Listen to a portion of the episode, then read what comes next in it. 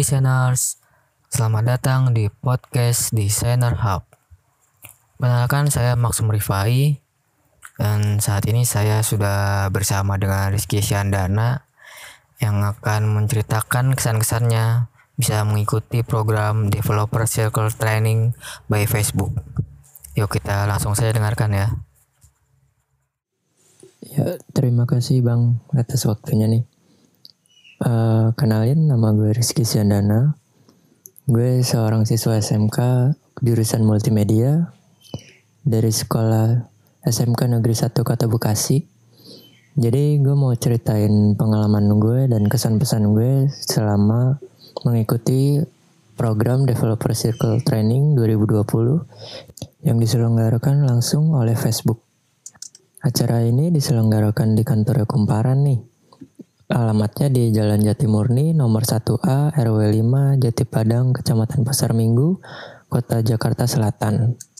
Acaranya diselenggarakan pada hari Sabtu mulai dari pukul 3 hingga pukul 8. Jadi lumayan sih buat ngisi waktu malam minggu yang kosong. Di acara ini gue udah nyatet beberapa poin-poin penting nih dari beberapa pembicara yang menjadi mentor di sana. Mentor-mentornya itu ada Mas Reno Prawira, software engineer dari Kumparan, Adrian Edward Luman, data engineer dari video.com, Muhammad Aisi, software engineer dari PT Satcom Indo, Maksum Rifai, supervisor IT dari Penthouse, yang kebetulan teman terbaik saya. Kemudian ada Muhibudin Suretno, software engineer dari Orori, Kemudian ada Lutfi Mahendra, MI Engineer dari ByteDance, Isan Satriawan, Software Engineer dari Tokopedia, Khairunisa, Full Stack Engineer dari Bank BTPN, Terus ada juga Mbak Sirsila Mayasari, Front End Engineer dari Gojek, dan Wahyu Tri Laksono, Software Engineer dari Bank Mandiri. Tak lupa juga didampingi oleh guest speaker dari Mas Yohanes Bandung, Front End front end engineer dari Kumparan. Uh, sekarang masuk ke bagian intinya nih. Yang poin pertama yang gue catat itu adalah kalau bingung milih apaan, cobain dulu aja semuanya. Maksudnya itu kalau misalkan kalian ada dapat kerjaan, terus bingung mau milih kerjaan apa, cobain aja dulu semuanya. Gak usah milih-milih.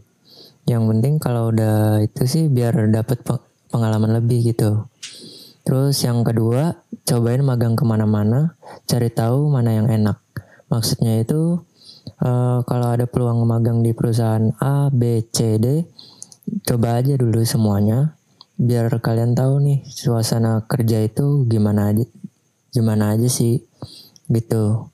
Terus yang selanjutnya itu belajar itu dari passion, bukan ikut-ikutan. Jadi tujuannya itu biar kita itu belajar dengan passion. Jadi kalau kita suka suatu pelajaran itu, kalau emang passion kita di situ, pasti kita bakal pasti kita bakal senang juga ngejalaninnya gitu. Bukan cuma ikut-ikutan yang durasinya cuma sebentar terus udah bosan terus ganti lagi nggak begitu terus kemudian ada tetap semangat jangan menyerah berani untuk mencoba. Maksudnya itu walaupun kita menghadapi berbagai macam rintangan nih, kita nggak boleh menyerah, harus tetap semangat.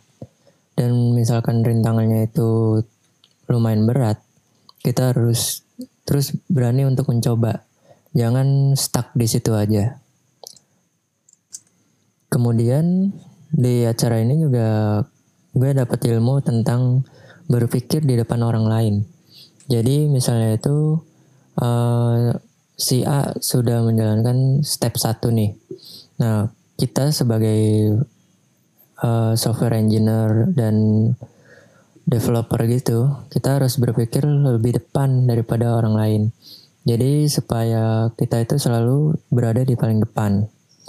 Terus kemudian itu ada jago jago coding sama dengan jago analisis. Jadi percuma aja gitu kalau lu jago coding bikin website A tapi nggak bisa analisis apa aja masalahnya ya tetap aja sih susah ntar ya kerjanya gitu. Terus yang selanjutnya itu mirip-mirip sama poin yang tadi udah saya sebutin jangan pilih-pilih kerjaan ambil aja. Jadi dengan begitu kita bakalan dapat lebih banyak pengalaman yang bakal berguna untuk kita ke depannya baik di perusahaan itu maupun di perusahaan lain kemudian ada kejar karir yang harus dilakukan.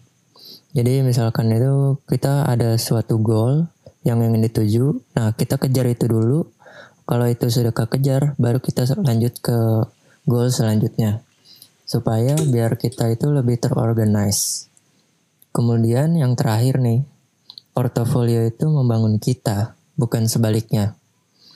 Nah, jadi itu tadi beberapa poin-poin penting yang gue catat selama gue ikut acara mentoring batch 3 by Facebook Developer Circle.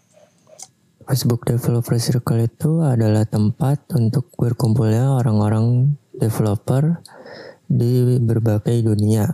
Nah, developer ini bukan berarti developer konstruksi bangunan, tapi developer yang dimaksud ini adalah developer orang yang bekerja untuk yang kayak coding-coding gitu, kayak misalkan bikin website, aplikasi, database, dan sebagainya. Perkumpulan ini udah tersebar di berbagai negara.